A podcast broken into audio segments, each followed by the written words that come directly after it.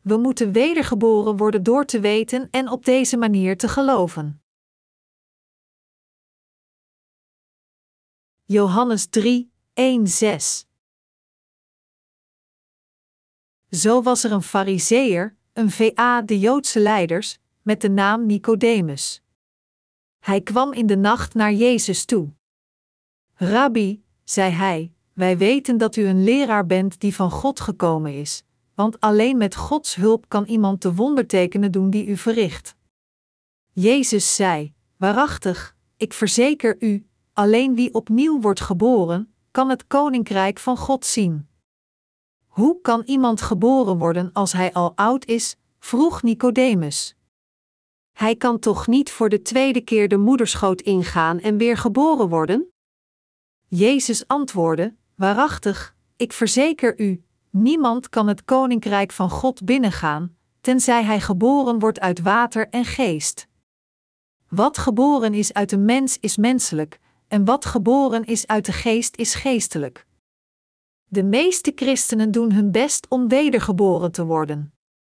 Maar er zijn velen die deze term wedergeboren worden gebruiken zonder de betekenis achter deze woorden te kennen. Hoewel zij vaak horen dat zij wedergeboren moeten worden omdat zij zondaars zijn, weten de meeste mensen niet exact de betekenis van deze woorden. Maar zij zeggen: Ik ben wedergeboren omdat ik geloof in Jezus, of ik weet zeker dat ik was wedergeboren toen ik vurig aan het bidden was op de berg, daar ik het vuur toen in mij voelde branden. Het probleem is dat mensen, in deze zaak van waarheid, alleen vertrouwen op hun emoties. Deze mensen, die beweren te zijn wedergeboren zonder de waarheid van zaligmaking te kennen, kunnen alleen worden wedergeboren door de Heer gegeven evangelische waarheid van het water en de geest. Wedergeboren te zijn en vrij te zijn van al onze zonden is alleen mogelijk door geloof te hebben in het evangelische woord van het water en de geest. Als we wedergeboren willen worden, moeten we geloven in Gods woord van waarheid. Om dit te doen, moeten we de God gegeven waarheid in onze harten graveren door er keer op keer naar te luisteren. Als eerste moeten we beseffen dat we het evangelie van het water en de geest niet kunnen vervangen met wonderen en tekens die we mogelijk ervaren. Laat ons luisteren naar het woord van God dat aan ons gegeven werd. Jezus antwoordde: Waarachtig, ik verzeker u, niemand kan het koninkrijk van God binnengaan, tenzij hij geboren wordt uit water en geest. Johannes 3, 5. Deze geschrifte passage vertelt ons dat we moeten worden wedergeboren om vrij te zijn van al onze zonden door het water en de geest. Ik wil graag vandaag met u delen wat het betekent echt wedergeboren te zijn door de evangelische waarheid van het water en de geest. Iedere zondaar moet geloven in het evangelie van het water en de geest om het hemelse koninkrijk binnen te gaan. De meeste christenen, als zij voor het eerst gaan geloven in de Verlosser, weten niet veel over het woord van het water en de Heilige Geest. In plaats van wedergeboren te worden door het water en de geest, geloven zij in het christendom als een van de religies van deze wereld. We kunnen niet echt worden wedergeboren van al onze zonden door alleen in Jezus als onze Verlosser te geloven, zoals mensen van andere religies geloven in hun goden.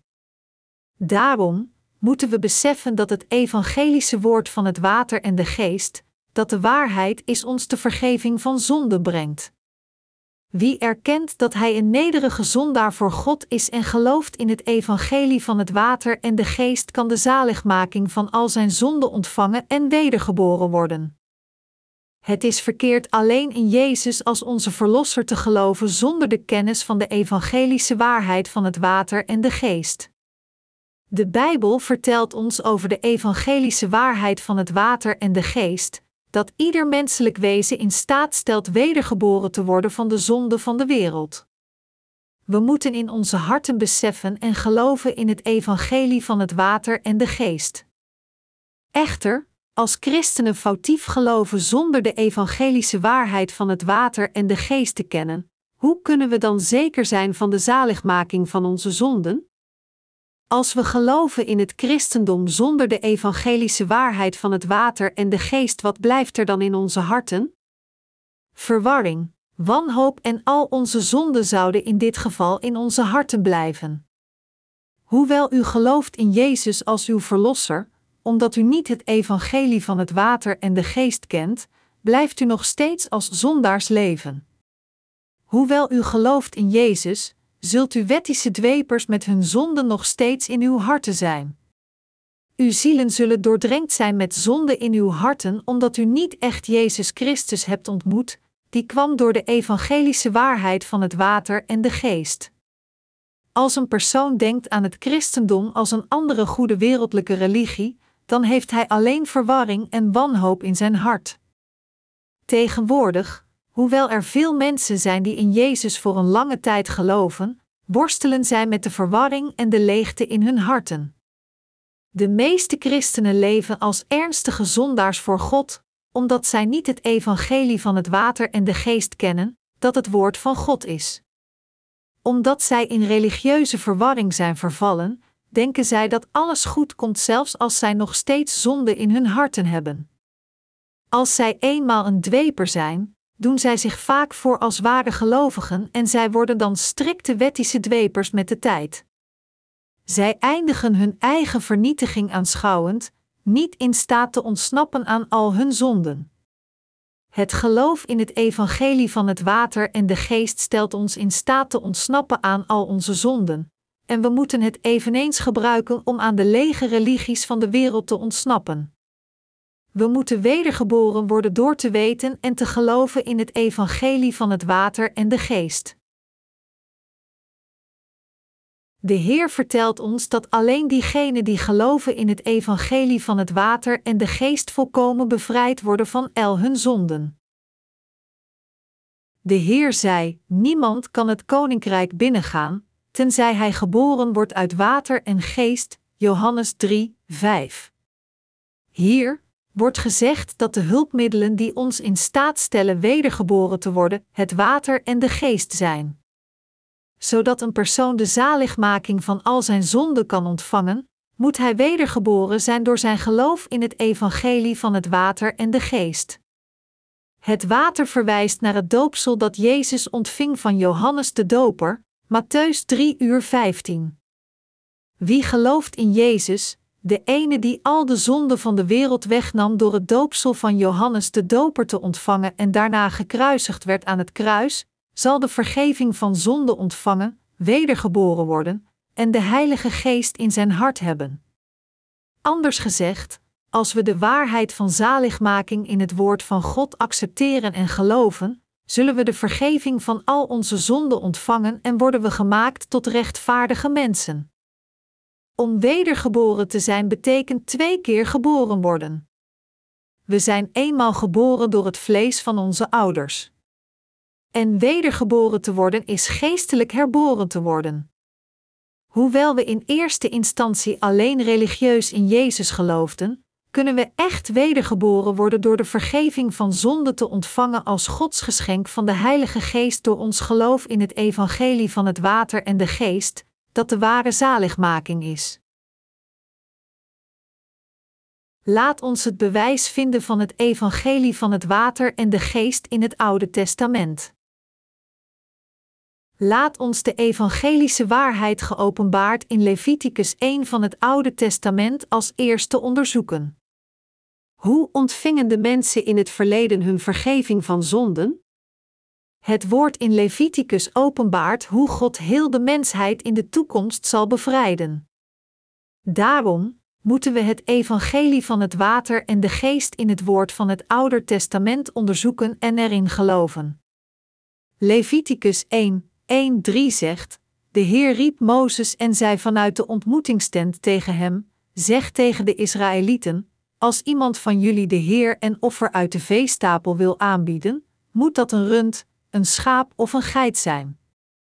Wie een brandoffer wil aanbieden en daarvoor een rund neemt, moet een mannelijk dier nemen zonder enig gebrek. Hij moet het naar de ingang van de ontmoetingstent brengen, waar de Heer het zal aanvaarden. Er is een titel verbonden aan al de 66 boeken van de Bijbel volgens het hoofdthema van ieder boek. Genesis is de openbaring van Gods creatie van het universum en alles wat erin is, als ook de levensverhalen van de vaders van geloof, zoals Abraham, Isaac, Jacob en Jozef. Exodus openbaart hoe de afstammelingen van Jacob, de Israëlieten, bevrijd werden van Egypte, als ook de tien geboden, de wet van God en de tabernakelsysteem. Leviticus legt ons uit hoe de mens en God verenigd kunnen worden door het offersysteem, dat ons de methode van God in detail toont hoe wij mensen van al onze zonden worden verlost. De naam van het boek verwijst naar Levi, die de derde zoon van Jacob en Lea was en de voorvader van de stam van de Levieten. De naam Levi betekent zich verenigen met Genesis 29, 34. Dus, hoe zich te verenigen met God is het voortdurende thema in het boek van Leviticus. De wet van God is de verzameling van zijn statuten verwijzend naar dat wat wel en niet mag in onze levens. Er zijn 613 statuten in de wet. Hoewel God zijn wet aan ons gegeven heeft, missen wij mensen de kracht om naar de wet te leven, ondanks dat we weten dat zijn wet juist en rechtvaardig is. Dat is omdat we de oorspronkelijke zonde van Adam hebben geërfd. Omdat iedere persoon in totaal twaalf soorten van zonde van Adam heeft geërfd, is geen enkele persoon in staat rechtvaardig te handelen vanwege de geërfde zonden. Daarom werden wij geboren als wezens die het niet kunnen helpen zonde te plegen, ondanks dat we weten dat het verkeerd is. Maar God bewees ons zijn liefde doordat Christus voor ons gestorven is toen wij nog zondaars waren. Romeinen 5, 8. Terwijl alle mensen bestemd waren als zondaars geboren te worden en als zondaars te sterven, heeft God het offersysteem aan zijn volk gegeven zodat zij in staat waren de vergeving van zonde te ontvangen. God vestigde het offersysteem en vertrouwde de uitvoering daarvan toe aan de stam van de Levieten. Met andere woorden, hij gaf het priesterschap alleen aan de stam van de Levieten, Aaron en zijn afstammelingen, Exodus 29, 9 en Numeri 3 uur 10. Aaron, de eerste hoge priester, was een afstammeling van Levi. Het is makkelijker te begrijpen hoe we kunnen worden wedergeboren, als we duidelijk de rol van de Levitische priesters onderzoeken. Als we zorgvuldig luisteren naar het offersysteem in de geschriften, dan kunnen we beter begrijpen hoe Jezus Christus ons de zegening van de vergeving van zonde heeft gegeven, dat het allerbelangrijkste punt in de Bijbel is. God riep Mozes, een leviet, naar zijn tabernakel en stelde zijn broer Aaron aan als de hoge priester, die al de zonden zou doorgeven aan het offerlam. Als iemand van de Israëlieten een offering aan de Heer moest brengen, werd hem opgedragen een van zijn eigen veestapel te offeren, een van de kudde of troep, Leviticus 1, 2. Dit geeft aan dat God al de soorten van offering had beperkt die al hun zonde konden dragen. Als de Israëlieten voor God de vergeving van zonde wilden ontvangen, dan moesten zij van God een schaap of een geit offeren. En als het een brandoffer betrof, was het noodzakelijk een mannelijk dier zonder gebreken naar de ingang van de tabernakel te brengen. Een brandoffer is een soort van offering aan God door het te verbranden. Door dit offer wordt het offer plaatsvervangend gedood voor de persoon en het offer ontvangt plaatsvervangend het oordeel dat de zondaar verdient van God. Hoe waren de zondaars vereist een offering voor God te maken zodat God het vreugdevol zou accepteren? Leviticus 1, 4 zegt: Hij moet zijn hand op de kop van het offerdier leggen, dan zal zijn offer worden aanvaard als verzoening. We kunnen de oplossing vinden in de passage. Dan zal hij zijn handen op het hoofd van het brandoffer leggen. We moeten specifiek aandacht geven aan het zinsdeel zijn handen op het hoofd van het brandoffer leggen. Er staat geschreven dat als een zondaar zijn handen op het hoofd van het brandoffer legt, al zijn zonden worden doorgegeven aan het offerdier. Dus, de correcte manier om een offering uit te voeren was om iemands zonde door te geven door het opleggen van handen aan het brandoffer voordat het offer gedood werd als offering aan God.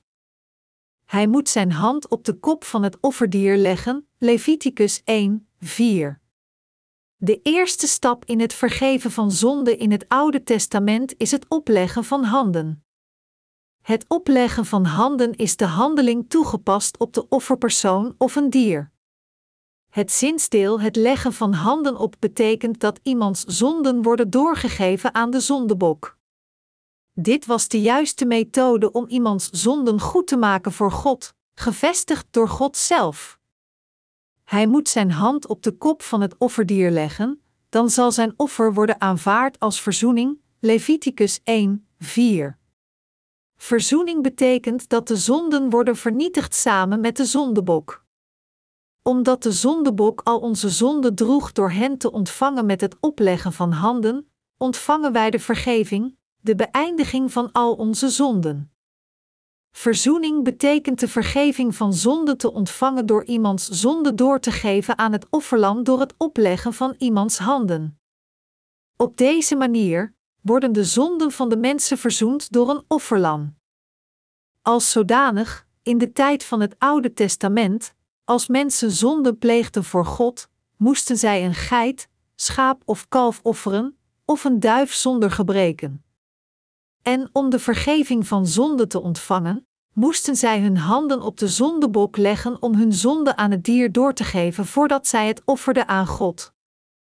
Als hun zonden eenmaal waren doorgegeven aan de zondebokken, doden de priester de dieren en namen hun bloed en brachten dat naar de hoorns van het altaar en goten het bloed op de grond.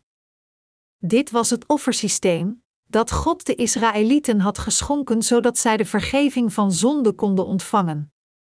Dus, zij moesten offers volgens Gods wet offeren door al hun zonden aan het offerland door te geven door middel van het opleggen van handen. Er staat in Leviticus 1, 5: Hij moet de stier slachten ten overstaan van de Heer, en de priesters, de zonen van Aaron, moeten het bloed naar het altaar brengen dat bij de ingang van de ontmoetingstent staat en het tegen de zijkanten ervan gieten. Beste medegelovigen, er zitten vier hoorns aan de vier hoeken van het brandofferaltaar. Nadat een zondige Israëliet zijn zonde beleidde en ze doorgaf aan het offerdier door het opleggen van zijn handen op het hoofd, doodde de persoon het dier en gaf hij het bloed aan de priester voordat hij vrij van zonde kon terugkeren naar huis. Nu was de volgende stap voor de priester. De priester moest het bloed van het offer op de vier hoeken van het altaar sprenkelen en de rest van het overgebleven bloed aan de basis van het altaar uitgieten om de zonde van de persoon helemaal uit te wissen. Leviticus 4 uur 30. Het bloed moest op de vier hoorns van het altaar worden besprenkeld omdat de hoorns het oordeel vertegenwoordigen. Het bloed op de hoorns besprenkelen symboliseert duidelijk dat het bloed van het offer de zonde van deze persoon in zijn plaats droeg. God accepteerde het offer en veroordeelde de persoon niet als hij zag dat de persoon zijn handen oplegde en het bloed van het offerdier. Waarom moest het offer zijn bloed vergieten? Dit is omdat het leven van het vlees in het bloed zit, Leviticus 17 uur 11. Omdat een Israëliet moet sterven volgens Gods gerechtigheid als hij een zonde pleegt, werd het bloed van het offer besprenkeld in plaats van zijn eigen bloed. In plaats van de zondaar werd het offerdier gedood nadat de persoon zijn zonden had doorgegeven door het opleggen van zijn handen. Met het offerbloed kon hij de wet van God voldoening geven, dat zegt dat het loon van de zonde de dood is, Romeinen 6 uur 23.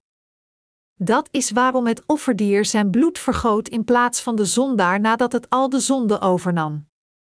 De priester uit het Oude Testament besprenkelden het bloed van het offer op de hoorns van het brandofferaltaar.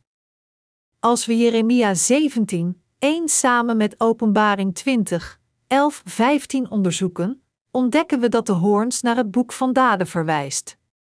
Vandaar, het besprenkelen van het bloed op de hoorns van het altaar is in overeenkomst met het besprenkelen van het bloed in het boek van daden. Al de zonden die de mensen in deze wereld plegen staan geschreven op twee verschillende plaatsen. Een is op een tablet van ieders hart, en de andere is in het boek van daden voor God. Jeremia 17, 1 zegt: De zonde van de Judeërs staat geschreven met een ijzeren stift, Met een diamanten punt staat ze gegrift in hun hart en op de horens van hun altaren. Vandaar, het is niet genoeg dat de zonden in onze harten worden uitgewist, maar onze namen en zonden in het boek van daden voor God moeten ook uitgewist worden. Dus, het opleggen van handen op het offer betekent het doorgeven van al onze zonden aan het offer, en de daaruit volgende besprenkeling van het bloed op de hoorns van het altaar vertegenwoordigt het oordeel van de zonden. De zonden van ieder persoon werden uitgewist als de persoon zijn handen op het offer legde, zijn bloed tot de dood vergoot en het offerde aan God. De Israëlieten offerden hun offers zo door te zeggen: Accepteer alstublieft de prijs van dit dode dier en was al mijn zonden helemaal weg. Als zodanig konden zij worden gereinigd van hun zonden door offerdieren zonder gebreken door de ambten van de priesters uit het Oude Testament. De offerdieren hadden in hun plaats de prijs van de dood voor God betaald. Het offerdier moet worden gevild en in stukken gesneden, en de zonen van Aaron, de priester, moeten een vuur op het altaar aansteken en er hout op leggen.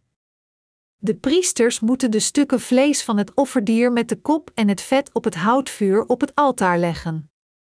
De ingewanden en de poten van het offerdier moeten met water gewassen worden, en de priester moet alles op het altaar verbranden.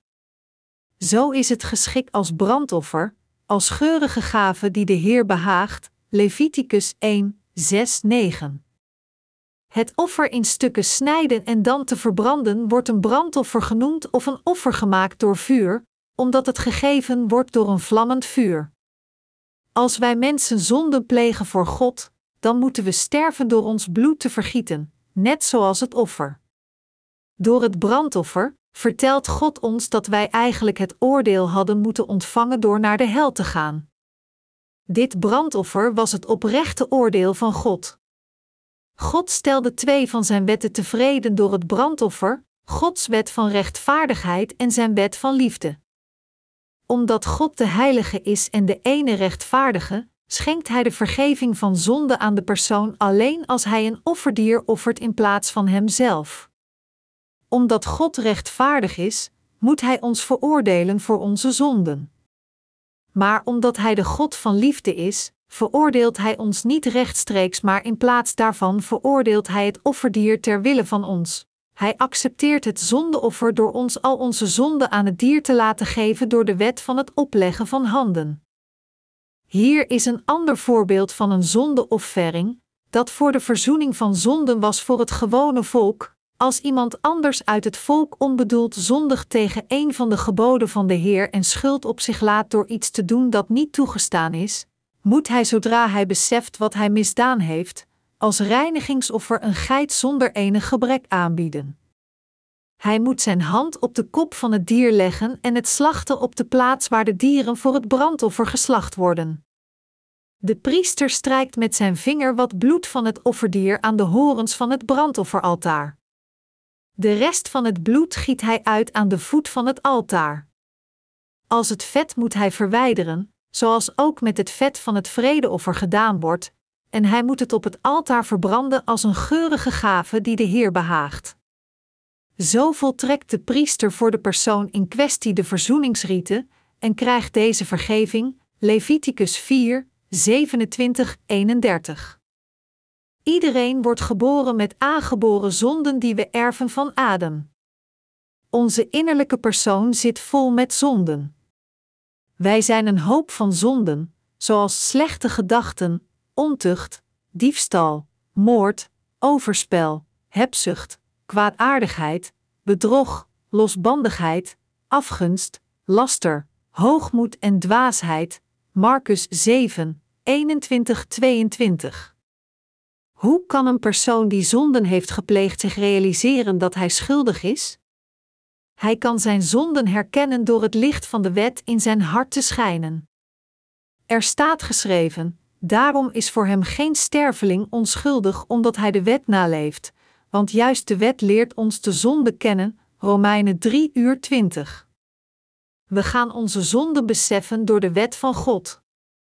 Was het niet door Gods instructies over wat we wel en niet mogen doen volgens de wet, dan zouden we niet weten dat we zonden hebben gepleegd, na die gepleegd te hebben. Vandaar dat God ons eerst onze zondigheid liet beseffen voordat we Zijn zaligmaking gaan zoeken. Hoe gaan we onze eigen zonde beseffen? We beseffen wat zonde is door de wet van God. We weten of we goed of fout hebben gedaan voor God door na te denken over onze daden en het geschreven woord van God, die zegt wat mag en niet mag gevestigd door God. Of iemand zonden heeft gepleegd of niet, wordt niet bepaald door iemands eigen geweten, maar eerder door het woord van God. Door de wet van God gevestigd in het woord van God, gaan we onze eigen zonden beseffen.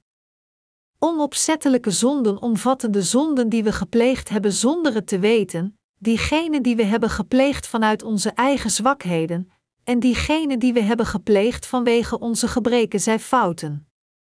We noemen zonden die we plegen door onze zwakheden onopzettelijke zonden. We kunnen het niet helpen dan onopzettelijke zonden te plegen, omdat we van natuur zondig zijn. Een menselijk wezen kan niet perfect zijn. Mensen uit de oudheid waren net zo zwak als wij nu. Zij pleegden ook iedere dag onopzettelijke zonden door aan de geboden van de Heer ongehoorzaam te zijn. Het is de bedoeling dat we worden gedood voor onze overtredingen en zonden, Efeziërs 2, 1. De zonden en schuld van een persoon worden als volgt onderscheiden. We noemen de aangeboren slechtheid in onze harten en gedachten zonden, en we noemen onze verkeerde handelingen overtredingen, die we inderdaad hebben omgezet vanwege onze aangeboren slechtheid. Als iemand onopzettelijk een zode pleegt en zijn zonde erkent, was hij verplicht een vrouwelijke geit zonder gebreken als zijn offer voor zijn zonde te offeren die hij had gepleegd. Hij moet zijn hand op de kop van het dier leggen en het slachten op de plaats waar de dieren voor het brandoffer geslacht worden. Leviticus 4 uur 29. Om de Israëlieten de vergeving van zonde te laten ontvangen, moesten zij als eerste beseffen dat zij inderdaad zondaars waren. Ongeacht hoe wanhopig God hen de vergeving van zonde ook wilde geven, het is onmogelijk voor God de vergeving van zonde aan diegenen te geven die hun zonde niet erkennen. Dus, de Israëlieten moesten weten welke van Gods geboden zij hadden gebroken en ook begrijpen welk rechtvaardig oordeel voor deze zonde nodig was. Dan moesten zij een brandoffer offeren aan God om de vergeving van zonden te ontvangen. Iedereen die nog niet de vergeving van zonden heeft ontvangen, heeft nog steeds zonde in zich. Iedereen van de Israëlieten, die zonden had in zijn hart, moest als eerste een vrouwelijke geit brengen en zijn zonde door het opleggen van handen op zijn hoofd doorgegeven. En dan moest de persoon het bloed offeren door het de keel door te snijden. Dit was de correcte manier voor hen om de vergeving van zonden te ontvangen. Natuurlijk kon het offer een geit, stier of lam zijn. De conditie van het offerdier moest zonder gebreken zijn. Als het offer hinkte, littekens had op zijn lichaam, of een ziekelijk vlies op zijn ogen had, dan accepteerde God dat offer niet. Voor een offer, om een acceptabel offer te zijn, moest het dier rein en zonder gebreken zijn. Reine dieren zijn diegenen die gespleten hoeven hebben en herkauwen, Leviticus 11, 3. Daarom, onder de reine dieren zoals het lam, de geit en het kalf, konden alleen diegenen geofferd worden zonder gebreken als het correcte offer voor God. Wie in de wereld is er dan zonder gebreken? Het enige antwoord is Jezus Christus. Alle zonden van de mensen konden worden doorgegeven door de handeling van het opleggen van handen. Dit was Gods belofte in zijn woord. Moet hij, zodra hij beseft wat hij misdaan heeft, als reinigingsoffer een geit zonder enig gebrek aanbieden.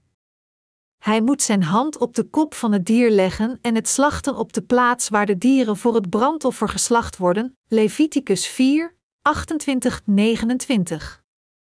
God vertelde de Israëlieten dat zij hun handen op het hoofd van het offer moesten leggen, dat dan hun zonde in hun plaats zou dragen en een offer voor hen werd.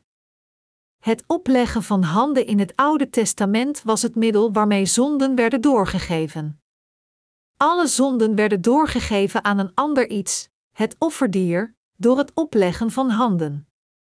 Anders gezegd, iedere zondaar moest zijn zonde doorgeven door deze oplegging van handen. Voordat het offerlam of geit gedood werd, moest het als eerste de zonde van de zondaar overnemen door het opleggen van hun handen. Alleen als het dier de zonde door de handen van de zondaar ontving en dan werd gedood, kon de zondaar zijn vergeving van zonde ontvangen. Een persoon in die tijd kon de vergeving van zonde ontvangen door als eerste zijn zonde aan het offer te geven door het opleggen van zijn handen op het hoofd en het dan aan God te offeren met een hart dat zijn zondigheid erkent door te zeggen: Ik ben een zondaar die net zo moet bloeden als dit offer vanwege mijn zonden. Waar ligt het leven van het vlees in? Het ligt in het bloed, Leviticus 17 uur 11. In het bloed van een persoon zit het leven. Het leven van al het vlees zit in het bloed. Ongeacht hoe gezond iemands hart ook is, als het bloed niet ernaar wordt bezorgd om het te pompen, dan zal die persoon zeker sterven. Waarom vertelde God aan de Israëlieten het bloed op de hoorns te besprenkelen, als zij het offer van offering aan God offerden? Het was om hem te laten weten dat dit offer gestorven is in plaats van de zondaar nadat het bloed besprenkeld werd op de hoorns. Het opleggen van handen was de methode waarmee al de zonden van een persoon werden doorgegeven. God heeft de mensheid zijn manier van het doorgeven van la hun zonden geleerd. Deze methode is het opleggen van handen uit het Oude Testament en het doopsel van Jezus in het Nieuwe Testament. Vandaar dat God de zondaar compleet bevrijdde na het zien van het bloed van het offer, verklarend: Ja, u hebt geen zonde meer. U hoeft nu niet te sterven, want al uw zonden werden doorgegeven door het opleggen van uw handen. Het opleggen van handen en het vergieten van bloed vervult gelijktijdig de liefde van God als ook zijn rechtvaardig oordeel. Toen God ons mensen schiep, schiep Hij ons uit stof. Voor de vergeving van zonden moeten beiden Gods boek van oordeel als ook het tablet van ieders hart bedekt worden met bloed. De complete vergeving van zonden is alleen mogelijk als zij beiden bedekt worden met bloed. Dat is, voor de vergeving van zonden, al de beschreven zonden moeten uitgewist worden voor God als ook in onze harten. Beste medegelovigen, accepteert u het woord van God?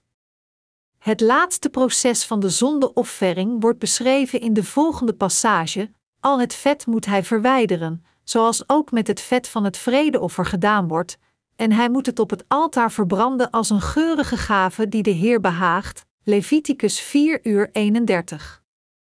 Dit zegt dat al de onreine delen van het offer, zoals de uitwerpselen, weggegooid moesten worden, en het gescheiden vet van het dier moest samen verbrand worden met de rest van het dier op het brandofferaltaar. Dit vet in de Bijbel verwijst in feite naar de Heilige Geest. Vandaar, om voor de Israëlieten de vergeving van zonde te kunnen ontvangen, moesten zij precies zo offeren als God aan hen had bevolen.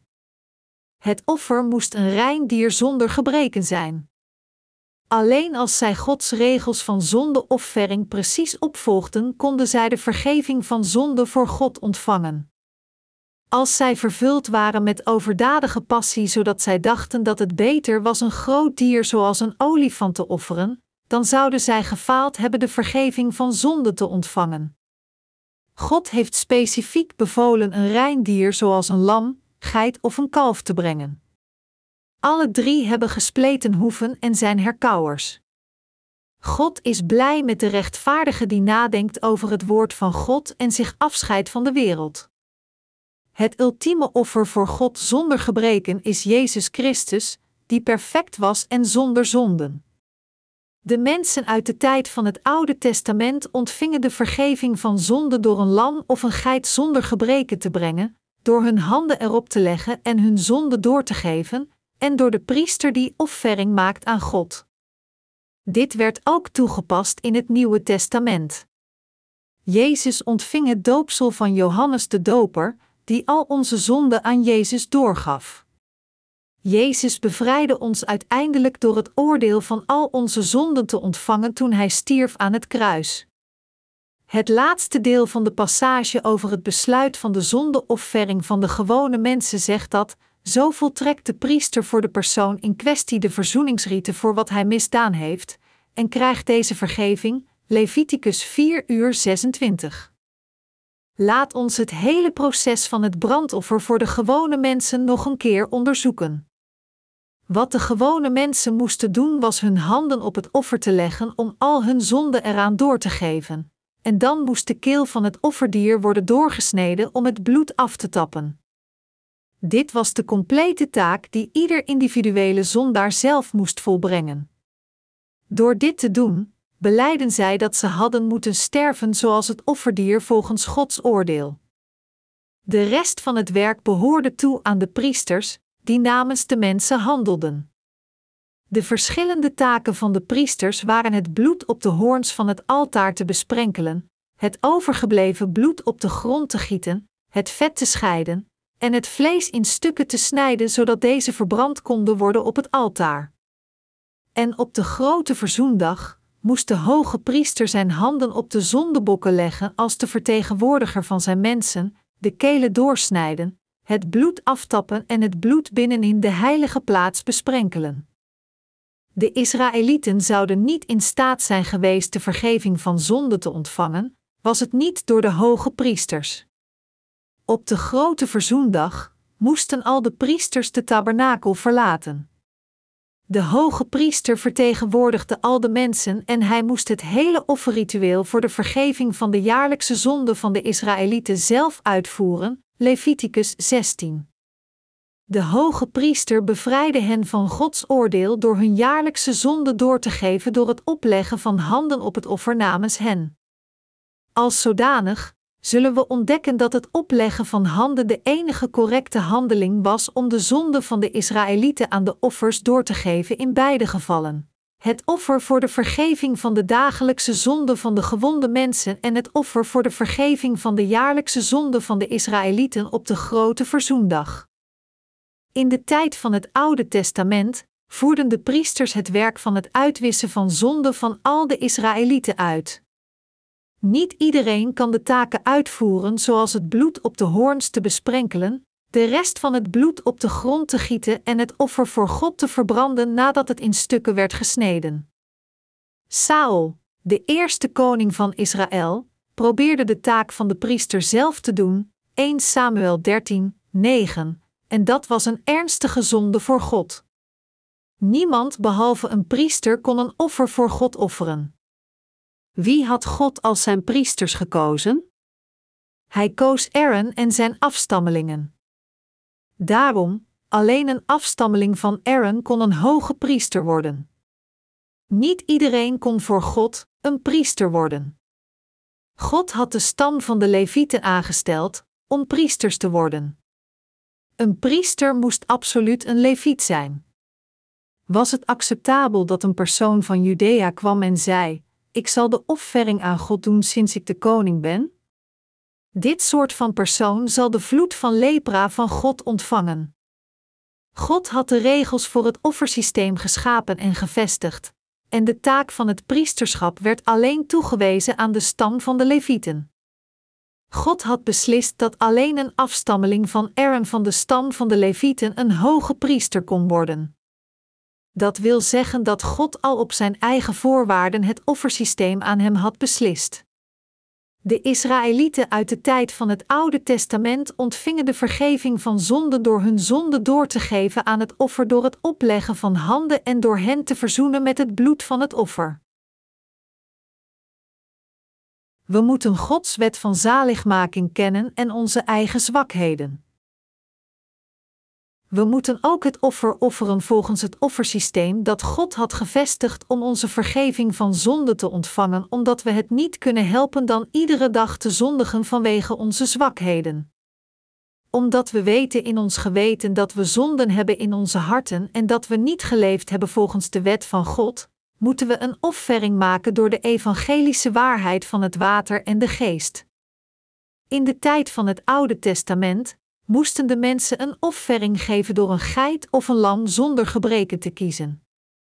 Als de mensen uit het Oude Testament een lam voor God brachten om een offering te maken omdat zij hadden gezondigd, volgde het lam zijn meester gehoorzaam zonder zijn lot te kennen.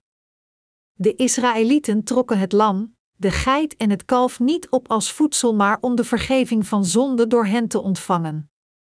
Vandaar dat zij veel jonge dieren optrokken zonder gebreken. De vergeving van de waarde van één dag van zonde in het Oude Testament. In het Oude Testament konden de Israëlieten een offering geven van de waarde van één dag van zonden.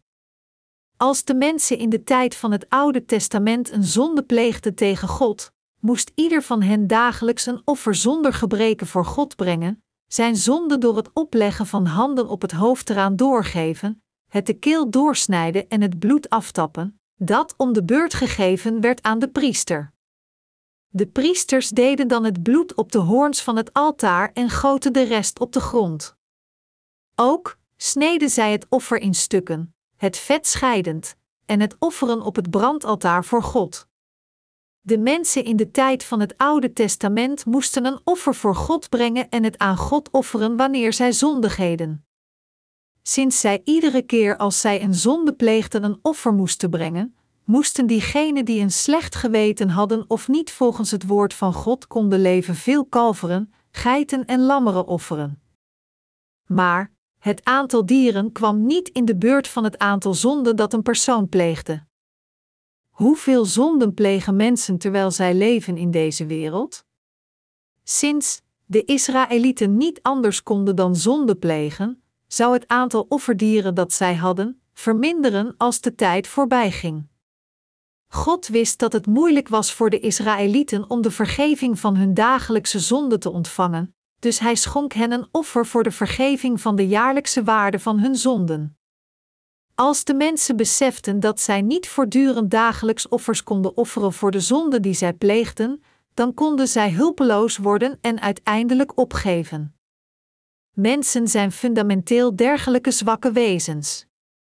Mensen kunnen tot aan hun grens gaan om te doen wat in hun vermogen ligt. Maar als zij falen, zijn ze teleurgesteld en zeggen: Het is zoals het is. Als mensen geen manier vinden om een bouwproject af te maken terwijl ze pas halverwege zijn, zullen velen het faillissement aanvragen en in wanhoop vervallen. Beste medegelovigen, hoewel we proberen te leven volgens de wet van God en iedere dag gebeden van berouw geven, zullen we uiteindelijk ons geloof in Jezus opgeven omdat we nooit gereinigd worden van onze zonden. Dergelijke mensen vervallen aan de gewoonte van wanhoop en leven uitzichtloos voor de rest van hun levens. Ongeacht hoe vurig een persoon in God gelooft of hoeveel hij berouw heeft, niemand kan al zijn zonde uitwissen met dergelijke acties. Of zelfs als hij een offering geeft volgens het offersysteem dat God heeft gevestigd, het is nutteloos. Als mensen geen geld of materiële goederen heeft, zijn zij niet in staat een offer te geven. Soms kunnen mensen geen offering geven vanwege hun luiheid. Omdat mensen hun waardigheid hebben, is het niet gemakkelijk voor de mensen om iedere dag naar de tabernakel te gaan en een offer te geven. Er is ook een andere reden waarom zondaars niet in staat zijn een offer te geven. Dit is als zij geen herinnering aan hun zonde hebben en zij er dus niet aan denken om een offer te offeren. Een persoon moet een offer aan God maken als hij een zonde tegen God heeft gepleegd. Echter, hij kan dat niet doen als hij de zonde die hij pleegde meteen vergeet. Het duurt niet lang voordat een persoon weer een andere zonde pleegt, hoewel hij zich afvraagt: wanneer heb ik een zonde gepleegd? Voor sommige mensen duurt het een uur. Voor anderen een paar minuten. Wanneer een persoon een nieuwe zonde pleegt, vergeet hij zijn voorafgaande zonde en het wordt moeilijk hen allemaal nauwkeurig te herinneren. Vandaar is het een leugen als een persoon zegt dat hij altijd de gebeden van berouw daarvoor gebruikt. Hoe kan een persoon zijn gebeden van berouw goed geven als hij zijn zonden zo gemakkelijk vergeet? Men heeft mij verteld dat een vis het korte termijn geheugen van drie seconden heeft. Tik-tak, tik-tak, tik-tak.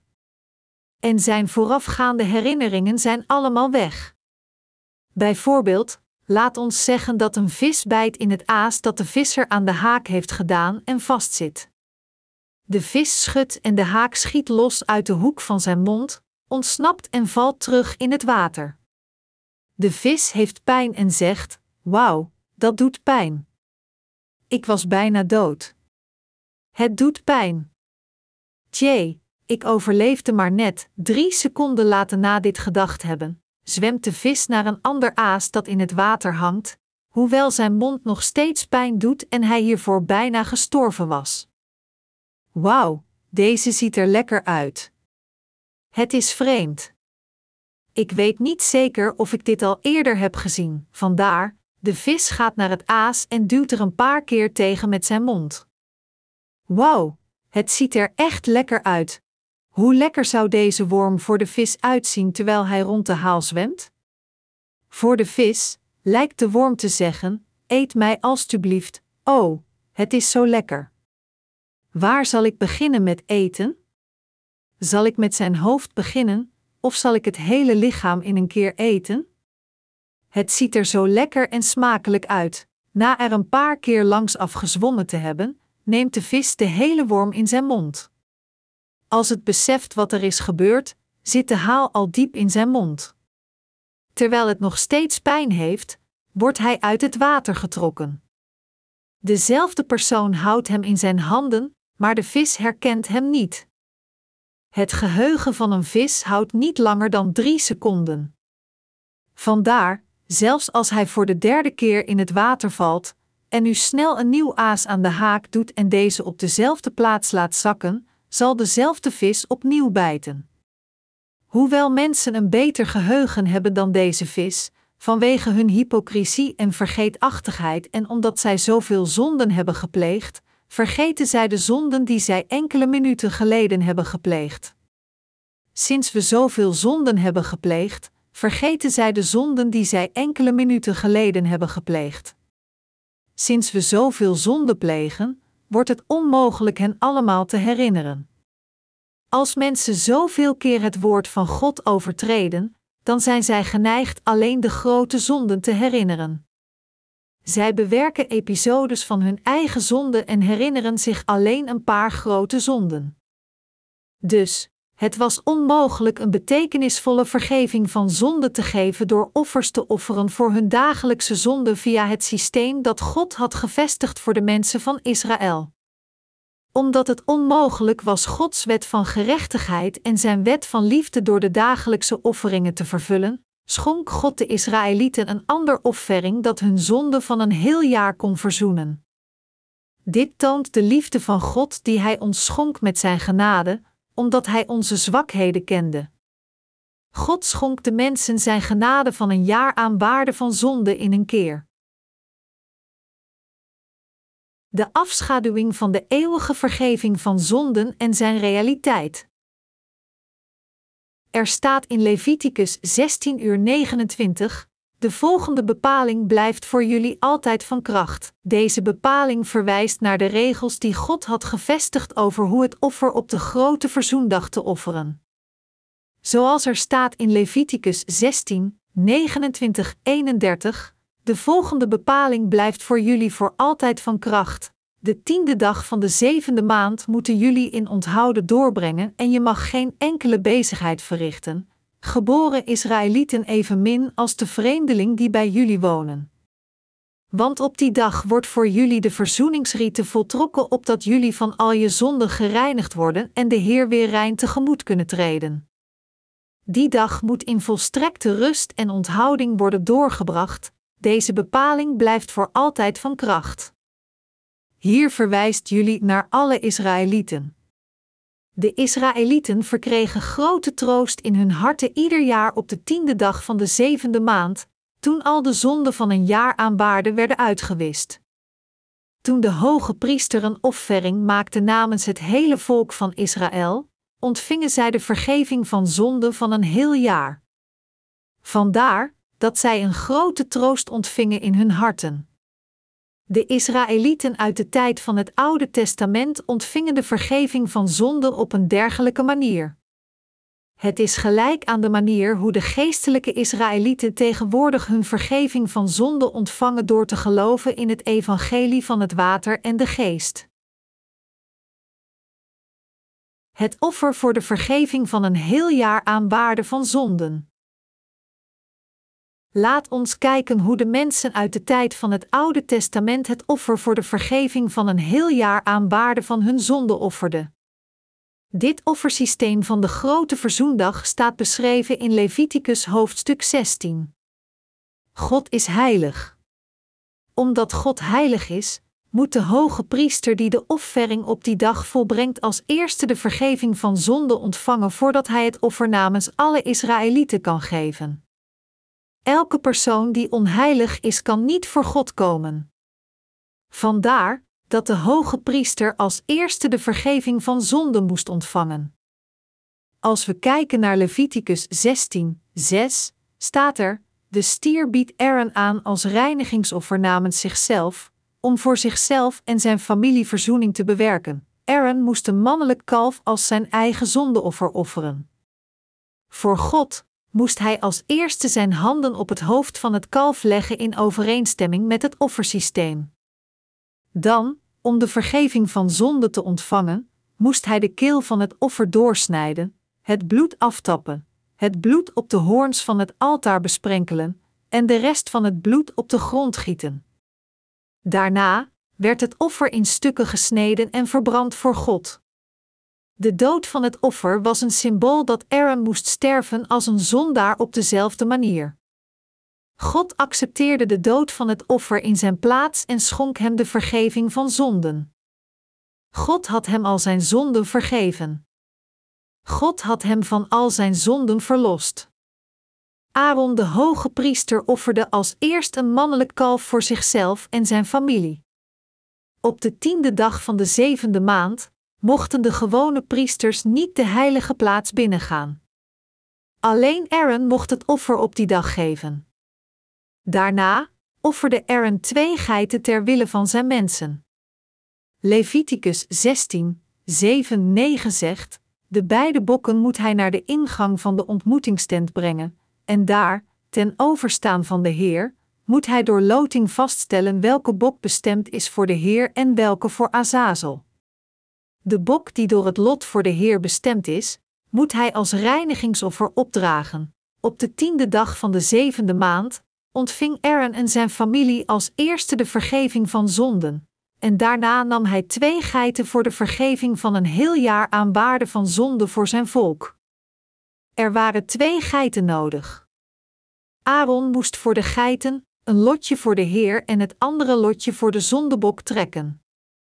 Voor de ene om aan God te offeren, moest de hoge priester, als de vertegenwoordiger van alle Israëlieten, zijn handen op het hoofd van de eerste geit leggen om al de zonde eraan door te geven, zodat de mensen van Israël zonder zonde voor God konden komen. Vervolgens stapte hij het bloed van het offer af, bracht het voor de ark van het verbond in de heilige plaats, besprenkelde het bloed zeven keer, zodat de zonden van een jaar waard van al de Israëlieten werden uitgewist. In plaats van dat de mensen van Israël voor God zouden sterven, een geit, waar Aaron al hun zonde aan had doorgegeven, ontving plaatsvervangend heel het oordeel van hun zonden. Op deze manier paste de hoge priester de offering op de grote verzoendag namens het volk van Israël toe. We moeten ons zelf eraan herinneren dat een offer als ook een hoge priester nodig was, zodat de Israëlieten de vergeving van een heel jaar aan zonde kon ontvangen. Deze twee voorwaarden waren absoluut noodzakelijk. Zij moesten ook het offersysteem gevestigd door God volgen. Als het offer gebreken had, dan was de hele ceremonie voor niets zijn geweest. Het offer moest zonder gebreken zijn, de hoge priester moest zijn handen op het offer leggen, en het bloed moest besprenkeld worden nadat het gedood was. Dit was de taak van de hoge priester. Vandaar was het niet voor de hoge priester geweest, dan zou iedere Israëliet niet in staat zijn geweest de vergeving van zonde te ontvangen. Door de hoge priester ontvingen de Israëlieten de vergeving van een heel jaar aan zonden. Dit is het geheim van onze Heer. Dit was het plan van onze Heer. Dus de Bijbel zegt: Een kind is ons geboren, een zoon is ons gegeven, de heerschappij rust op zijn schouders. Deze namen zal hij dragen: wonderbare raadsman, goddelijke held, eeuwige vader, vredevorst, Jesaja 9, 6. Aaron ontving de functie als de eerste hoge priester. Mozes, de dienaar van God, werd aangesteld als de beheerder van de wet, de ene die de wet zou ontvangen en deze aan de mensen zou geven en het woord van God bekendmaken aan de mensen.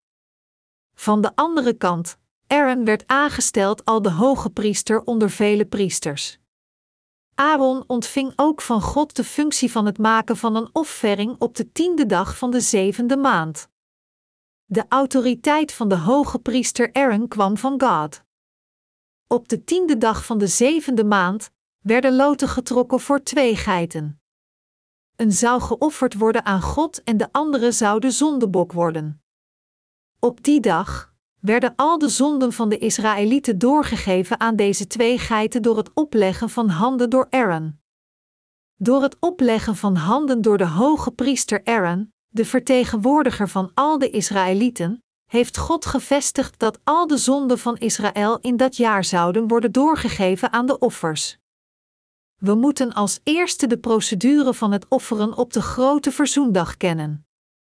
Twee geiten werden gebracht als offering, een werd geofferd voor God.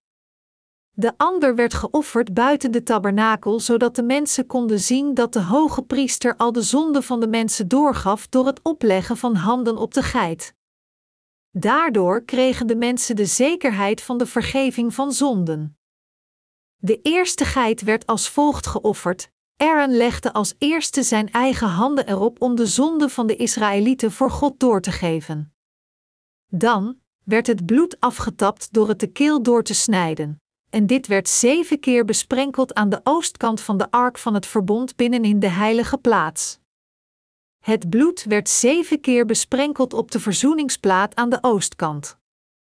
Aaron kan in zijn hart gezegd hebben: God. Deze geit, waar al de zonden van de Israëlieten aan werd doorgegeven, stierf namens al de Israëlieten. Nummer 7 geeft perfectheid of voltooiing aan zoals het gebruikt wordt in het boek van Openbaring. In de Bijbel is nummer 5 een aanduiding van genade. 6 is het nummer dat de mensheid aangeeft. 4 verwijst altijd naar beproeving en ellende. Nummer 2 is gerelateerd aan het getuigenis. Dergelijke betekenissen worden toegeschreven aan deze nummers in de Bijbel. Dus, als we kijken in de Bijbel, verschijnt nummer 4 wanneer er beproeving of ellende is.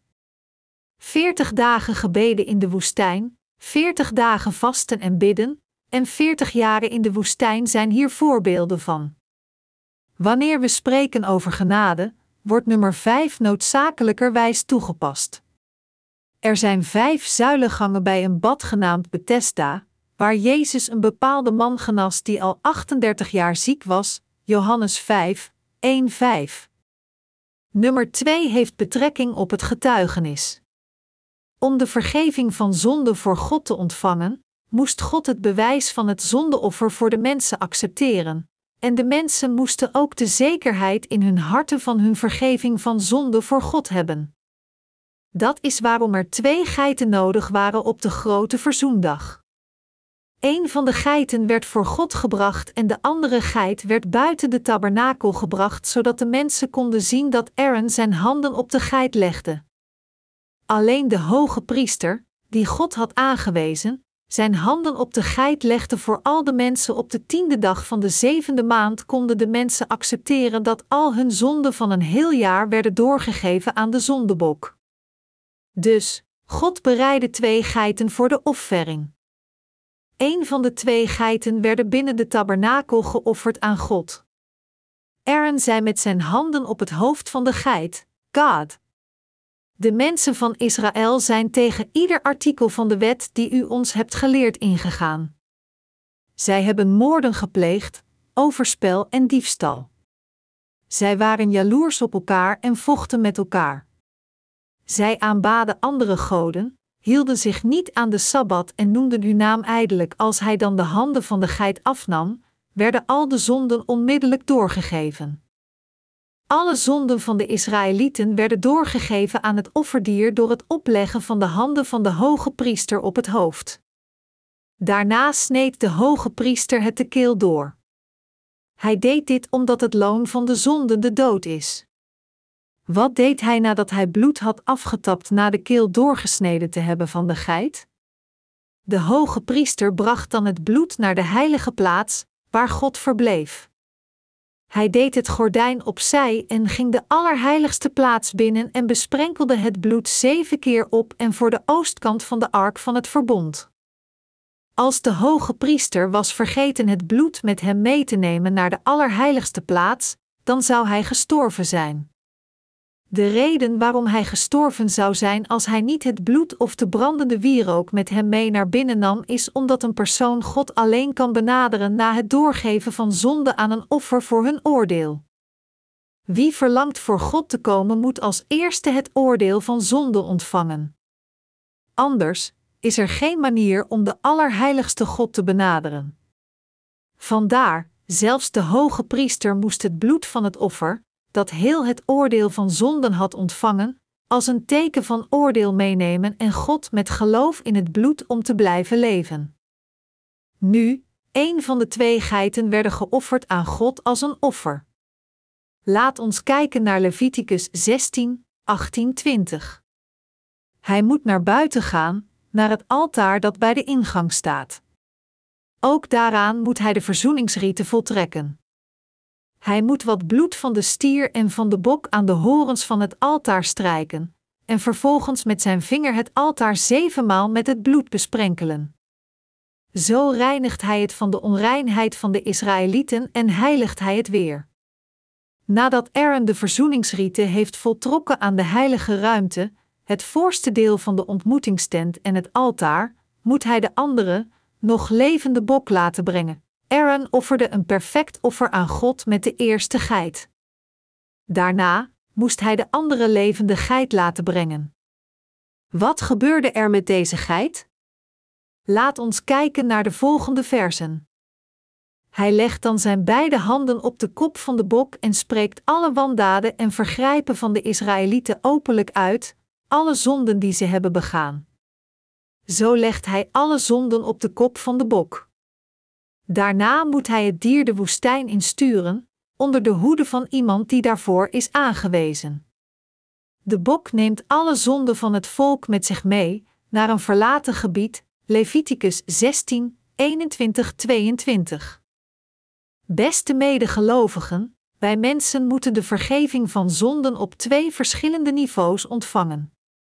Als eerste moeten we de vergeving van zonden ontvangen van God. Ten tweede moeten we de vergeving van zonden ontvangen in onze harten. Met andere woorden, met het bloed van het eerste offer ontvingen de Israëlieten de vergeving van zonde door hun zonden die geschreven staan in het boek van oordeel in het hemelse koninkrijk te bedekken. Toen God dat bloed zag, schonk hij hen de vergeving van zonden, door te zeggen: het volk van Israël heeft het oordeel van al hun zonden ontvangen. Zij hebben de vergeving van zonden ontvangen. Zij hebben de verzoening van hun zonden ontvangen. Dit offer is namens hun gestorven nadat heel de zonden eraan werden doorgegeven. We moeten als eerste de vergeving van zonde voor God ontvangen. Als we kijken naar het gebed van onze Heer, dat zegt: Onze Vader in de hemel, Laat uw naam geheiligd worden, laat uw koninkrijk komen en uw wil gedaan worden op aarde zoals in de hemel. Matthäus 6, 19. Wat is Gods wil in de zin hierboven? Uw wil gedaan worden op aarde zoals in de hemel? Het betekent de zaligmaking door het evangelie van het water en de geest. God wil echt dat wij de vergeving van zonde ontvangen door te geloven dat Jezus al de zonden heeft overgenomen die wij hebben gepleegd en zullen plegen in deze wereld. Laat ons Leviticus 16, 20, 21 nog een keer bekijken. Nadat Aaron de verzoeningsrieten heeft voltrokken aan de heilige ruimte, het voorste deel van de ontmoetingstent en het altaar, moet hij de andere, nog levende bok laten brengen. Hij legt dan zijn beide handen op de kop van de bok en spreekt alle wandaden en vergrijpen van de Israëlieten openlijk uit, alle zonden die ze hebben begaan. Zo legt hij alle zonden op de kop van de bok. Daarna moet hij het dier de woestijn insturen, onder de hoede van iemand die daarvoor is aangewezen. Nu, de zonden beschreven in de hemel werden uitgewist met de eerste geit. Hoe wiste Aaron dan de zonde aanwezig in de harten van de Israëlieten uit? God bereidde een andere geit voor om getoond te worden aan het volk, waar Aaron de hoge priester zijn handen op legde. Aaron legde zijn handen op het hoofd van deze tweede geit en bad: God, ik geef de zonde van al de Israëlieten door. Zij hebben zonden gepleegd van moord, overspel, diefstal, jaloersheid en gevochten met elkaar. Zij hebben andere goden gediend, uw naam in ijdelheid gebruikt, valse verklaringen afgegeven, zich niet gehouden aan de heilige sabbat en iedere gebod van uw wet gebroken. Al deze zonden geef ik door aan deze geit namens de Israëlieten, legde de hoge priester zijn handen op de geit om al hun jaarlijkse zonden aan het hoofd door te geven. Daarna werd de geit de woestijn ingestuurd door de hand van een aangewezen persoon. De zondebok droeg al de zonden van de Israëlieten en dwaalde rond in de woestijn, waar het stierf nog steeds de zonde van de Israëlieten dragend. Door te accepteren dat op deze methode al de zonden van de Israëlieten voor eens en altijd werden doorgegeven aan de zondebok, wisten zij in hun harten dat zij de vergeving van zonde hadden ontvangen en daardoor de zekerheid van hun zaligmaking. De zondebok waar al hun zonde aan werd doorgegeven, zwierf die in de woestijn rond. De plaats waar de Israëlieten hun eerste offer offerden volgens het systeem van de tabernakel was in de Sinai-woestijn. Er groeide geen enkel blad of gras in dat gebied. De geit die daar werd achtergelaten stierf daar ook uiteindelijk. Omdat de zondebok stierf en de zonden van de Israëlieten namens hun droeg, ontvingen de Israëlieten de vergeving van zonde in hun harten nadat zij met eigen ogen hadden gezien dat Aaron een offering voor hen op de tiende dag van de zevende maand had gemaakt. Dit vertelt ons ook het proces waardoor wij onze vergeving van zonde kunnen ontvangen. De vergeving van zonden voor mensen moet op twee verschillende plaatsen gebeuren. De zonde onder de namen van de mensen in het boek van oordeel in het koninkrijk van God, als ook de zonde in onze harten moeten worden uitgewist. Deze twee delen staan gelijk aan de ware vergeving van zonden. Beste medegelovigen, God heeft al onze zonden compleet uitgewist. Gods wil is volbracht in de hemel. Wat we moeten doen om de complete vergeving van zonde in onze zielen te ontvangen, is te accepteren dat al onze zonden al werden doorgegeven aan het offer. In onze harten deze evangelische waarheid te accepteren is wat we moeten doen. Hebreeën 10, 1 zegt: Omdat de wet slechts een voorafschaduwing toont van al het goede dat nog komen moet en daarvan niet de gestalte zelf laat zien, heeft hij ook niet de kracht om degene die jaar in jaar uit met steeds dezelfde offers aan de dienst deelnemen ooit tot volmaaktheid te brengen. Het zegt dat het offer op de grote verzoendag uit de tijd van het Oude Testament een voorafschaduwing was van de goede dingen die komen, dat is, de eeuwige vergeving vervuld door Jezus Christus, onze Verlosser. Nu, laten we uitzoeken hoe Jezus de vergeving van al onze zonden in het Nieuwe Testament heeft vervuld. Als eerste moeten we weten dat Jezus Christus de Zoon van God is, die naar deze aarde kwam om alle mensen te bevrijden. Matthäus 1, 21-25 zegt: Ze zal een zoon baren. Geef hem de naam Jezus, want hij zal zijn volk bevrijden van hun zonden. Dit alles is gebeurd opdat in vervulling zou gaan wat bij monden van de profeet door de Heer is gezegd: De maagd zal zwanger zijn en een zoon baren, en mens alle mensen aan Immanuel geven, wat in onze taal betekent God met ons. Jozef werd wakker en deed wat de engel van de Heer hem had opgedragen. Hij nam haar bij zich als zijn vrouw, maar hij had geen gemeenschap met haar voordat ze haar zoon gebaard had. En hij gaf hem de naam Jezus. Onze Heer Jezus kwam naar deze wereld als de God Immanuel zoals voorspeld in het Oude Testament. Het Hebreeuwse woord Immanuel betekent God met ons. Hij kwam naar deze wereld om met ons te zijn. En hij werd Jezus genoemd. De naam Jezus betekent de Verlosser. Onze Heer kwam en het lage vlees van de mens ondanks zijn perfecte goddelijkheid om onze Verlosser in deze wereld te worden. Hij bevrijdde ons van al onze zonden door al onze zonden voor eens en altijd uit te wissen, zijn volk, die in zijn evenbeeld werden geschapen. Laat ons kijken naar Matthäus 3, 13, 17 om te zien wat onze Heer heeft gedaan nadat hij naar deze wereld kwam. Toen kwam Jezus vanuit Galilea naar de Jordaan om door Johannes gedoopt te worden. Maar Johannes probeerde hem tegen te houden met de woorden: Ik zou door u gedoopt moeten worden, en dan komt u naar mij? Jezus antwoordde: Laat het nu maar gebeuren, want het is goed dat we op deze manier Gods gerechtigheid vervullen. Toen stemde Johannes ermee in.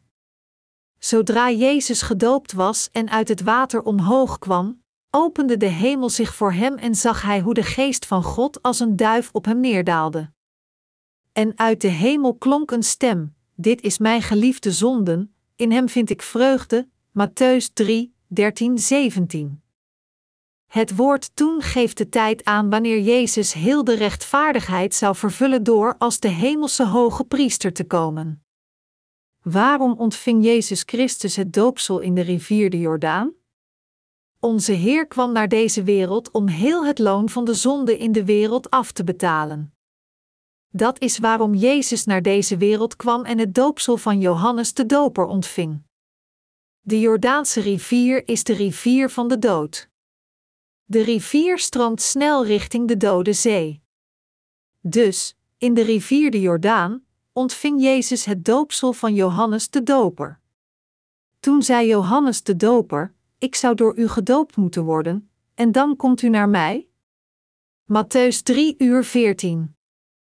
Jezus antwoordde door te zeggen: Laat het nu maar gebeuren, want het is goed dat we op deze manier Gods gerechtigheid vervullen, Matthäus 3 uur 15. Dus, de twee hoge priesters kwamen samen en vervulden heel de rechtvaardigheid. Johannes de Doper is de grootste ooit geboren door een vrouw, zoals staat geschreven in Matthäus 11 uur 11. Jezus, de vertegenwoordiger van de hemel, stond op het punt het doopsel van Johannes de Doper te ontvangen, de vertegenwoordiger van heel de mensheid. Jezus zei: u moet mij dopen. Maar Johannes vroeg: Hoe zou ik het durven u te dopen? Jezus zei tegen hem met een strenge houding: Laat het nu maar gebeuren, want het is goed dat we op deze manier heel de rechtvaardigheid vervullen. Ik bedoel, het is correct van u mij te dopen, zoals het correct is voor mij heel de rechtvaardigheid te vervullen door het doopsel te ontvangen. Matthäus 3, 13, 17. Het woord doopsel betekent weggewassen.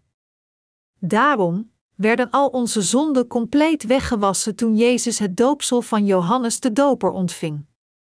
Net zoals de zonden van het volk van Israël werden weggewassen uit hun harten door het opleggen van Aaron handen op de zondebok in het Oude Testament. Matthäus 3 uur 15 zegt dat Jezus werd gedoopt om heel de rechtvaardigheid te vervullen. Wat is deze gerechtigheid? Er wordt gezegd dat de rechtvaardigheid van God geopenbaard door in het evangelie en het ons leidt van geloof naar geloof. Romeinen 1, 17. De rechtvaardigheid van God zou de gerechtigheid van God kunnen betekenen. De rechtmatige daad die God aan ons mensen schonk was de uitwisseling van al onze zonden door in zijn Zoon. Dit was het doopsel dat Jezus ontving. Hoe kunnen wij mensen de rechtvaardigheid van God ontvangen? We kunnen de rechtvaardigheid van God ontvangen door te geloven dat al onze zonden werden doorgegeven aan Jezus toen hij het doopsel van Johannes de Doper via het opleggen van handen ontving. Het doopsel heeft dezelfde betekenis als het opleggen van handen in het Oude Testament. De rechtvaardigheid van God voor ons is zijn kinderen te worden als ook rechtvaardig. We ontvangen onze zaligmaking van al onze zonden door te geloven en in onze harten te accepteren dat Jezus Christus al onze zonden overnam toen hij het doopsel van Johannes de Doper ontving. Dit is de rechtvaardigheid die wij van God ontvangen. Jezus antwoordde: Laat het nu maar gebeuren, want het is goed dat we op deze manier Gods gerechtigheid vervullen. Toen stemde Johannes ermee in. Zodra Jezus gedoopt was en uit het water omhoog kwam, opende de hemel zich voor hem en zag hij hoe de geest van God als een duif op hem neerdaalde. Matthäus 3, 15, 16. Toen Jezus het doopsel ontving, werden de hemels geopend en de Heilige Geest van God daalde als een duif af en een geluid vanuit de hemel echode: Dit is mijn geliefde zoon, in hem vind ik vreugde. Matthäus 3, 15, 16. Wie ontving er net het doopsel? Het was Jezus Christus, de Zoon van God. Hij was gelijktijdig de Zoon van God als ook de God die ons schiep. Dit is mijn Zoon, in hem vind ik vreugde. God was zeer tevreden met Jezus. God de Vader had al onze zonden doorgegeven aan Jezus, de Zoon van God. De Zoon van God droeg gehoorzaam al onze zonden plaatsvervangend volgens de wil van de Vader, zodat wij de kinderen van God konden worden. Het woord doopsel heeft de betekenis van te reinigen, onderdompelen en doorgeven. We gebruiken het woord doopsel ook om de onderdompeling aan te geven. We kunnen de vergeving van zonde ontvangen door zaligmaking te accepteren, dat mogelijk was omdat al onze zonden werden doorgegeven aan Jezus toen Hij het doopsel ontving. We geloven ook dat al onze zonden, die werden opgeschreven in het boek van oordeel in het Koninkrijk van de Hemel, werden weggewassen door Jezus' offer aan het kruis. Al onze zonden die geschreven stonden op de tabletten van onze harten werden ook weggewassen toen Jezus het doopsel ontving. Gods wil werd vervuld op aarde als ook in de hemel, Matthäus 6 uur 10. Deze beide handelingen werden vervuld. Beste medegelovigen, dit woord verenigt het Oude Testament en het Nieuwe Testament. Waar deze twee samensmelten is het doopsel dat Jezus ontving.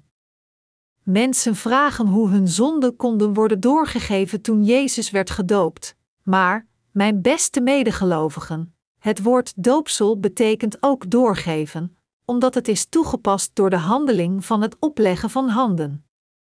Doopsel heeft ook de betekenis van onderdompeling en begraven. Als Jezus begraven moest worden, dan moest hij als eerste alle zonden dragen. Jezus kon alleen plaatsvervangend voor ons sterven nadat al de zonden van de wereld werden doorgegeven aan Jezus. Dit is waarom Jezus het doopsel ontving. Op dat moment werden al onze zonden aan Jezus doorgegeven.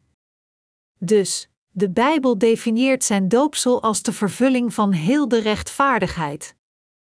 Bovendien staat het doopsel van Jezus gelijk met het doorgeven van een jaar aan waarde van zonde van de Israëlieten in het Oude Testament. Jezus ontving het doopsel voor ons. Het woord doopsel heeft de betekenis van weggewassen, te begraven en door te geven. Als we het opzoeken in een theologisch woordenboek, dan staan daar nog meer betekenissen. Beste medegelovigen, al onze zonden werden doorgegeven aan Jezus toen hij het doopsel ontving. De zonden van diegenen die accepteren dat al hun zonden werden doorgegeven aan Jezus door zijn doopsel kunnen in een keer worden gereinigd van alle zonden. Beste medegelovigen, ik spoor u aan deze waarheid in uw harten te accepteren. Als u deze waarheid niet in uw harten accepteert, zult u niet in staat zijn de vergeving van zonden te ontvangen. Als er een andere manier is waarmee al onze zonden worden doorgegeven anders dan het doopsel van Jezus, probeert u zaligmaking te ontvangen door in dat te geloven. Echter, in werkelijkheid is er geen andere manier. Ik waarschuw u kinderen van God te worden door de zaligmaking te ontvangen door te accepteren en te geloven in het evangelie van het doopsel van Jezus. Mijn geliefde medegelovigen, dit is het evangelie van het water en de geest, dat God aan ons heeft verteld. Dit is het woord van waarheid. Hierin te geloven is de kern van het ware geloof. Door het doopsel dat onze Heer ontving in de rivier de Jordaan, werden al onze zonden in onze harten compleet weggewassen. Door de dood van onze Heer aan het kruis werden al de zonden van de wereld die geschreven staan in het boek van oordeel in het koninkrijk van God compleet weggewassen. Al de zonden die we hebben gepleegd in deze wereld, als ook de zonden die de toekomstige generatie zal plegen, werden compleet weggewassen. Door te geloven in Jezus, de Verlosser van onze zaligmaking, zijn wij gered van al onze zonden. Hij heeft al onze zonden uitgewist door zijn doopsel, het opleggen van handen, zijn bloed aan het kruis, oordeel en zijn dood en verrijzenis. Nu, zijn er nog zonden in uw harten? Nee, er zijn geen zonden meer. Bent u nog steeds een zondaar? Nee, dat bent u niet. U bent een van de rechtvaardigen geworden. Johannes 1, 29 zegt: Daar is het Lam van God, dat de zonde van de wereld wegneemt. De volgende dag nadat Jezus het doopsel had ontvangen, getuigde Johannes de Doper: Daar is het Lam van God, dat de zonde van de wereld wegneemt. Johannes 1, 29. Het feit dat Jezus al de zonde van de wereld overnam en droeg is de waarheid. Jezus nam al de zonde van de wereld over door het doopsel in de rivier de Jordaan te ontvangen. Daar is het Lam van God, dat de zonde van de wereld weg. Johannes 1 uur 29. Hij volbracht alles aan het kruis door te zeggen: Het is volbracht. Johannes 19 uur 30. De zonden, die u hebt gepleegd vanaf het moment dat u geboren werd tot u tien jaar oud was, zijn de zonden van de wereld. Accepteert u de waarheid dat al deze zonden werden doorgegeven aan Jezus toen hij het doopsel ontving? Werden deze zonden doorgegeven aan Jezus? Ja. U hebt ook veel zonden in uw tienerjaren gepleegd, van 11 tot 19 jaar. Werden deze zonden ook doorgegeven aan het hoofd van Jezus? Ja. Dezelfde waarheid geldt ook voor de zonden die u gepleegd hebt in uw twintiger jaren. Werden al de zonden die u tot nu toe ook gepleegd hebt doorgegeven aan het hoofd van Jezus? De zonden die u in de toekomst zult plegen behoren ook tot de zonden van de wereld. Werden deze zonden ook doorgegeven aan Jezus? Ja, ze werden alle doorgegeven. Beste medegelovigen, gelooft u in dat Jezus echt al de zonden van de wereld overnam door het doopsel te ontvangen?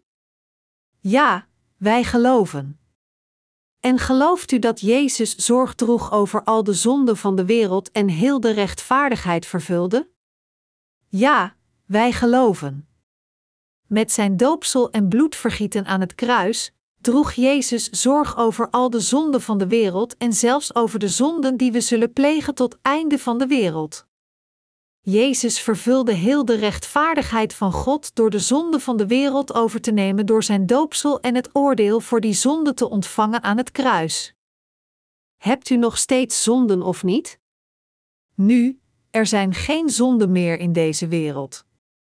Als u gelooft in het woord van God en dat Hij Jezus al de zonden van de wereld uitwiste door zijn doopsel en bloed, dan hebt u geen zonden. Dit is de zaligmaking. Dit is Gods geschenk van zaligmaking.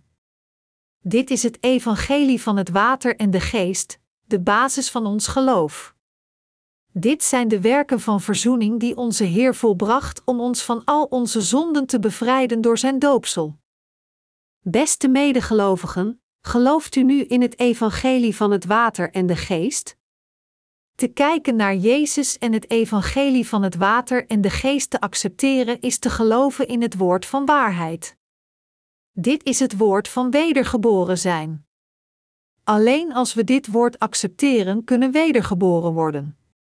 Beste medegelovigen, wilt u wedergeboren worden door het water en de geest? Zo ja, geloof in het evangelie van het water en de geest. Dit is het ware geloof en het ware geestelijke leven. Iemand zei: De valse Jezus neemt de religieuze systemen van de wereld over. Het christendom als een religie is te geloven in een dergelijke valse Jezus die gecreëerd werd door de zogenaamde religieuze figuren volgens zijn eigen gedachten. Dat is waarom de meeste christenen van vandaag willekeurig beweren gered te zijn, ondanks dat zij nog steeds zonde in hun harten hebben uit feitelijk buiten Christus staan. Echter, het ware geloof is te geloven dat Jezus mij heeft bevrijd vanuit zijn liefde voor mij en volgens zijn belofte, en dat hij de zaligmaking heeft volbracht uit eigen beweging. Zijn zaligmaking heeft niets te maken met onze daden. God wiste al de zonden van de Israëlieten in de tijd van het Oude Testament uit door het opleggen van handen van de hoge priester op het offerlam. In het Nieuwe Testament nam Jezus al onze zonden over door het doopsel van de hoge priester Johannes de Doper te ontvangen. Wij, die leven in de tijd van het Nieuwe Testament, moeten accepteren en geloven in het doopsel van Jezus, dat ons zondeloos heeft gemaakt. Sinds er geen doorgeven van zonden of dientengevolgen bloedvergieten zou zijn geweest zonder het doopsel van Jezus, kan er geen vergeving van zonden zijn zonder het doopsel van Jezus. Jezus heeft ons compleet bevrijd door al onze zonden over te nemen met zijn doopsel en door het oordeel van al onze zonden te ontvangen door zijn bloed aan het kruis te vergieten. Daarom, wij de gelovigen in het evangelie van het water en de geest zullen het oordeel voor onze zonden niet ontvangen. We moeten geloven dat Jezus al de zonden van de wereld compleet overnam toen hij het doopsel ontving en dat hij plaatsvervangend het hele oordeel ontving voor onze zonden aan het kruis. Wij moeten in onze harten het evangelie van het water en de geest accepteren, dat Jezus voor ons voorbereidde zodat wij de zaligmaking vanuit zijn liefde voor ons konden ontvangen. We kunnen heel het oordeel voor onze zonden vermijden door de waarheid te accepteren dat onze Heer ons compleet heeft teruggekocht om ons van al onze zonden te bevrijden en daarom ook van het oordeel. Zondaars kunnen nu tot de rechtvaardigen worden gemaakt door te geloven in het evangelie van de geest in hun harten en met hun lippen beleiden: Heer, ik geloof in U.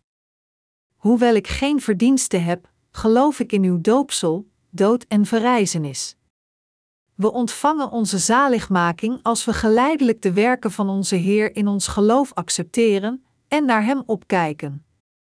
Het ware geloof is te geloven in Hem en Zijn rechtvaardige handelingen als zodanig te accepteren. Dit is het woord van het wedergeboren zijn. U zult de waarheid kennen, en de waarheid zal u bevrijden. Johannes 8 uur 32 moeten we geen essentiële kennis hebben om een bepaalde belangrijke taak uit te voeren, zoals burgemeester zijn van een stad? Moeten we niet de waarheid kennen om onze zaligmaking te ontvangen? We zullen zeker onze zaligmaking ontvangen, maar alleen als we het Bijbelse bewijs hebben dat Jezus onze persoonlijke Heer en Verlosser werd door het evangelie van het water en de geest.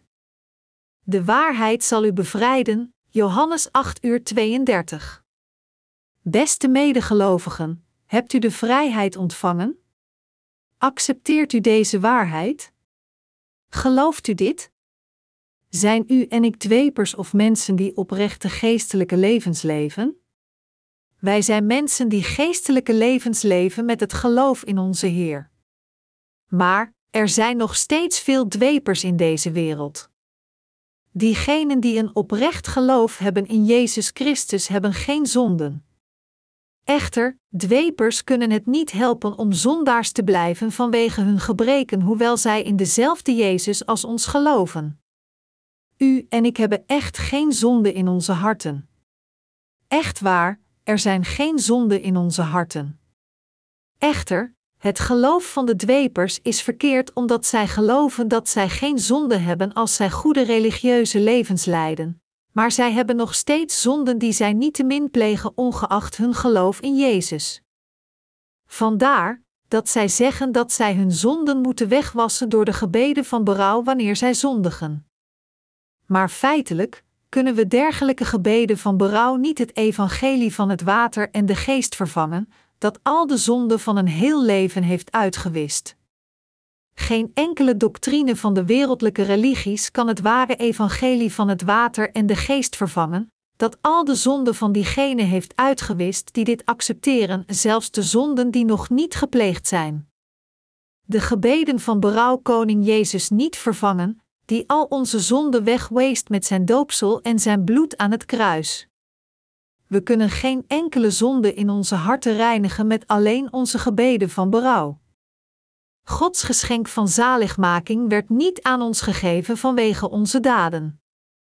Het geschenk dat we hebben ontvangen is onze zaligmaking door het evangelie van het water en de geest als we in Hem geloven. Dit is het geestelijke leven, het ware geloof en de ware zaligmaking. Te geloven in het evangelie van het water en de geest is wedergeboren zijn. Beste medegelovigen, dit is de waarheid van het wedergeboren zijn uit het water en de geest, dat onze Heer vertelde aan Nicodemus, Johannes 3, 5. Geloven in deze twee gebeurtenissen van de Bijbel, Jezus doopsel en zijn dood aan het kruis, is de zaligmaking en de enige manier om wedergeboren te worden. Beste medegelovigen, hoe werd u gereinigd van al hun zonden en wedergeboren?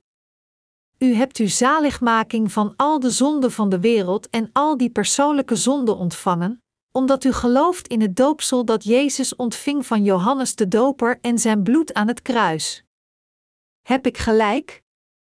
Als we echt de hele vergeving van zonden hebben ontvangen door te geloven in het evangelie van het water en de geest, moeten we dank geven aan God door ons geloof in het doopsel en bloed van Jezus. Diegenen die het ware geestelijke leven leiden geloven in de evangelische waarheid van het water en de geest en getuigen dit evangelie aan anderen. Alle rechtvaardigen zijn de wedergeborenen die het bijbelse bewijs van Gods zaligmaking in zich hebben. Zelfs als een persoon een geestelijk leven leidt, tenzij die persoon het drievoudige geloof in de Heilige Geest, het water en het bloed heeft, is hij nog niet wedergeboren. We ontvangen onze eeuwige zaligmaking door te geloven in het doopsel, waarmee onze Heer al onze zonden op zich nam, en het bloed aan het kruis. Wie is de persoon die deze rechtvaardige handelingen heeft uitgevoerd? Het is Jezus Christus die niet een gewoon persoon is, maar God. Kunt u dit bevatten? Diegenen die geloven in de Heer die het evangelie van het water en de geest vervulde, zijn wedergeboren. Als u gelooft in het evangelie van het water en de geest, dan gelooft u niet in gewone religie. Net zoals onze Heer de bevelhebber Naman compleet reinigde van zijn melaatsheid toen hij zijn lichaam zeven keer in de rivier de Jordaan ondergedompelde, geloven wij dat onze Heer ons van al onze zonden heeft gereinigd. Mensen ontvangen de hele vergeving van zonde door te geloven in Jezus' doopsel en zijn bloed aan het kruis. Beste medegelovigen, ik werd wedergeboren toen ik geloofde in het evangelie van het water en de geest. Vandaar dat ik niet langer een religieus leven, maar een geestelijk leven van geloof leef. Ik geloof dat God al mijn zonden heeft uitgewist en mijn verlosser, herder en mijn ware God is geworden omdat Hij van me hield. Omdat wij niet als eerste van God hielden, maar God als eerste van ons hield door Zijn genade, bevrijdde God ons van al onze zonden door het evangelie van het water en de geest. Ik heb mijn zaligmaking van al mijn zonden en het eeuwige leven ontvangen door hierin te geloven. Mijn geliefde medegelovigen, hebt u ook de zekerheid van het eeuwige leven? Het doopsel dat Jezus Christus ontving wijst al onze zonden weg en wiste hen uit. Bent u nog niet wedergeboren? Ben niet bang voor diegenen die nog niet zijn wedergeboren. Alles dat u moet doen is geloven in God, die u wedergeboren zal maken door het water en de geest. Kijk naar de waarheid van het watergeest en geloof in de waarheid waarmee God ons van al onze zonden heeft bevrijd. Geef dank aan God. Dan zult u het eeuwige leven en de eeuwige zegeningen ontvangen. Het woord in Johannes 1, 12, 13 zegt: Wie hem wel ontvingen en in zijn naam geloven, heeft hij het voorrecht gegeven om kinderen van God te worden. Zij zijn op natuurlijke wijze geboren, niet uit lichamelijk verlangen of uit de wil van een man, maar uit God. En het woord in Hebreeën 10, 9, 18 zegt: Dan zegt hij: Hier ben ik, ik ben gekomen om uw wil te doen, waarmee hij het eerste opheft om het tweede van kracht te doen zijn. Op grond van die wil zijn wij voor eens en altijd geheiligd, door het offer van het lichaam van Jezus Christus. De priesters blijven dagelijks hun dienst verrichten en steeds opnieuw dezelfde offers opdragen die de zonde nooit teniet zullen kunnen doen, terwijl hij, na zijn eenmalig offer voor de zonden, voor goed zijn plaats aan Gods rechterhand heeft ingenomen, waar hij wacht op het moment dat zijn vijanden voor hem tot een bank voor zijn voeten zijn gemaakt. Door deze ene offergave heeft hij hen die zich door hem laten heiligen voor goed tot volmaaktheid gebracht. Hiervan legt ook de Heilige Geest voor ons getuigenis af, want eerst staat er: Dit is het verbond dat ik na die strijd met het volk van Israël zal sluiten, spreekt de Heer, in hun hart zal ik mijn wetten leggen, in hun verstand zal ik ze neerschrijven, en even verder staat er: Aan hun zonden en hun wetteloosheid zal ik niet meer denken. Waar dat alles vergeven is, daar is geen offer voor de zonde meer nodig. Matthäus 3 uur 15 zegt: Laat het nu maar gebeuren, want het is goed dat we op deze manier Gods gerechtigheid vervullen. Een persoon is wedergeboren als hij gelooft in het doopsel dat Jezus ontving. Jezus heeft alle mensen compleet bevrijd door het doopsel te ontvangen om heel de zonde van de hele mensheid over te nemen. Jezus heeft heel het oordeel voor al onze zonden ontvangen door te worden gekruisigd aan het kruis, waar Hij zijn kostbare bloed vergoot. Dit is het evangelie van het water en de geest, dat ons wedergeboren maakt. Het geloof in het evangelie van het water en de geest is het ware geloof en de waarheid van het wedergeboren worden.